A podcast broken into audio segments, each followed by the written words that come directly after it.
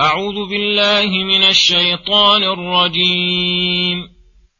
يرسل عليكما شواظ من نار ونحاس فلا تنتصران. فبأي آلاء ربكما تكذبان؟ فإذا انشقت السماء فكانت وردة كالدهان فبأي آلاء ربكما تكذبان؟ فيومئذ لا يسأل عن ذنبه إنس ولا جان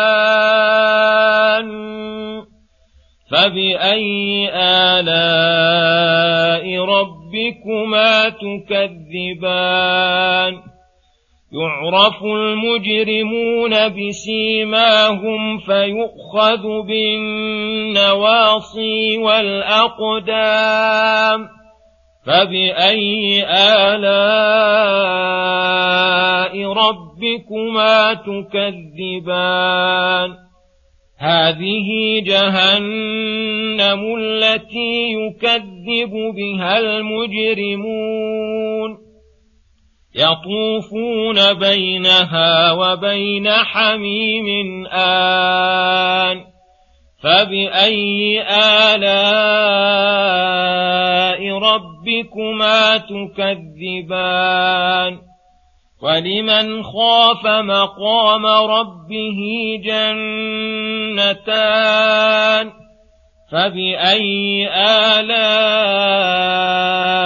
ربكما تكذبان ذواتا أفنان فبأي آلاء ربكما تكذبان فيهما عينان تجريان فبأي آلاء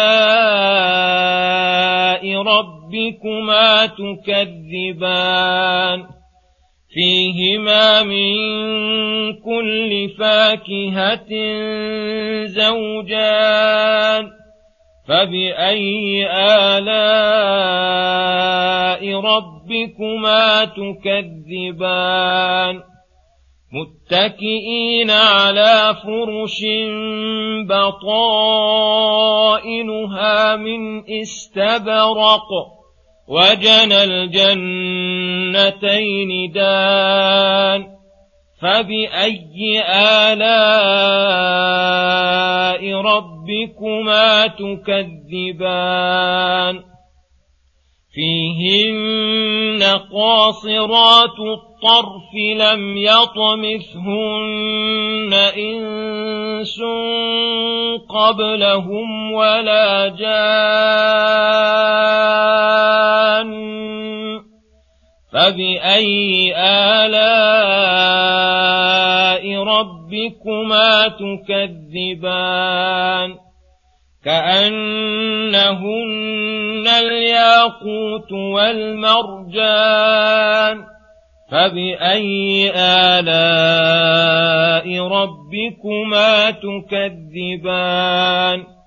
هل جزاء الإحسان إلا الإحسان؟ فبأي آلاء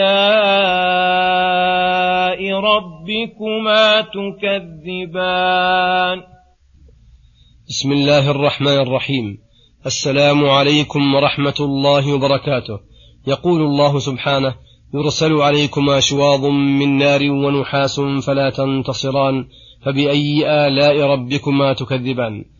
ذكر تعالى ما عده لهم في ذلك اليوم فقال يرسل عليكما إلى قوله تكذبان. أي يرسل عليكما لهب صاف من النار ونحاس وهو اللهب الذي قد خالطه الدخان. والمعنى أن هذين الأمرين الفظيعين يرسلان عليكما ويحيطان بكما فلا تنتصران. لا بناصر من أنفسكم ولا بأحد ينصركم من دون الله ولما كان تخويفه لعباده نعمة منه عليهم وسوطا يسوقهم به يسوقهم به إلى أعلى المطالب وأشرف المواهب ذكر منته بذلك فقال فبأي آلاء ربكما تكذبان؟ ثم يقول سبحانه فإذا انشقت السماء فكانت وردة كالدهان إذا انشقت السماء أي يوم القيامة من الأهوال وكثرة البلبال وترادف الأوجال فانخسفت شمسها وقمرها وانتثرت نجومها فكانت من شدة الخوف والانزعاج وردة كالدهان أي كانت كالمهل والرصاص المذاب ونحوه. فبأي آلاء ربكما تكذبان فيومئذ لا يسأل عن ذنبه إنس ولا جان. أي سؤال استعلام بما وقع لأنه تعالى عالم الغيب والشهادة والماضي والمستقبل. ويريد أن يجازي العباد بما علمه من أحوالهم. وقد جعل لأهل الخير والشر يوم القيامة علامات يعرفون بها كما قال تعالى يوم تبيض وجوه وتسود وجوه. وقال هنا يعرف المجرمون بسيماهم فيؤخذ بالنواصي والأقدام فبأي آلاء ربكما تكذبان؟ أي فيؤخذ بنواصي المجرمين وأقدامهم فيلقون في النار ويسحبون إليها.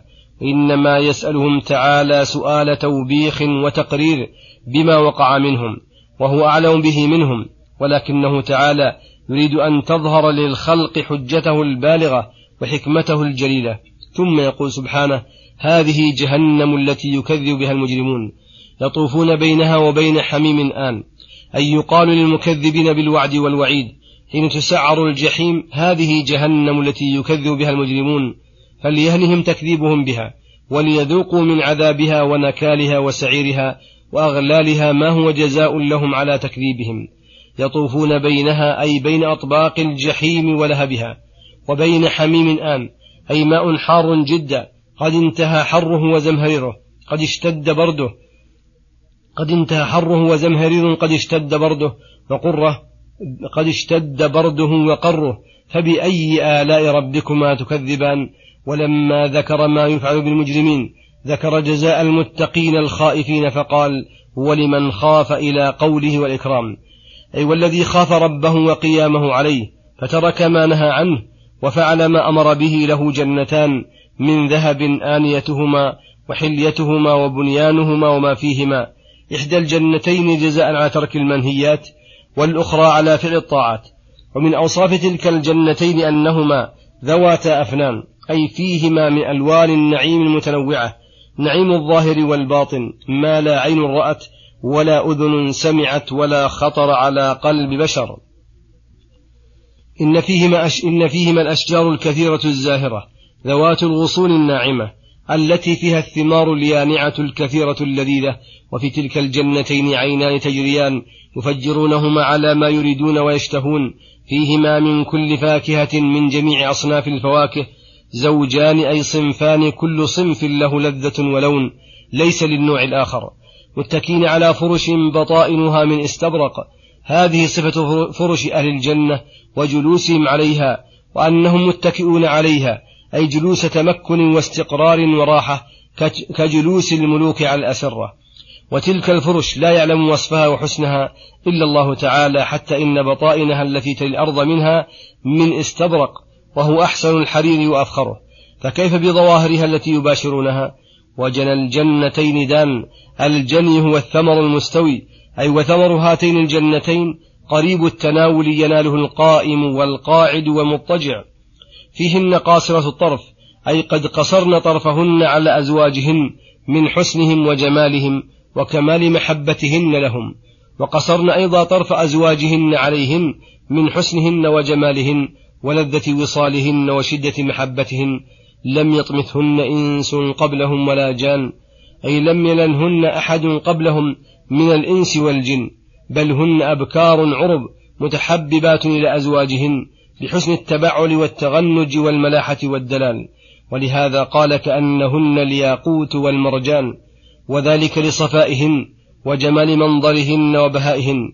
هل جزاء الإحسان إلا الإحسان؟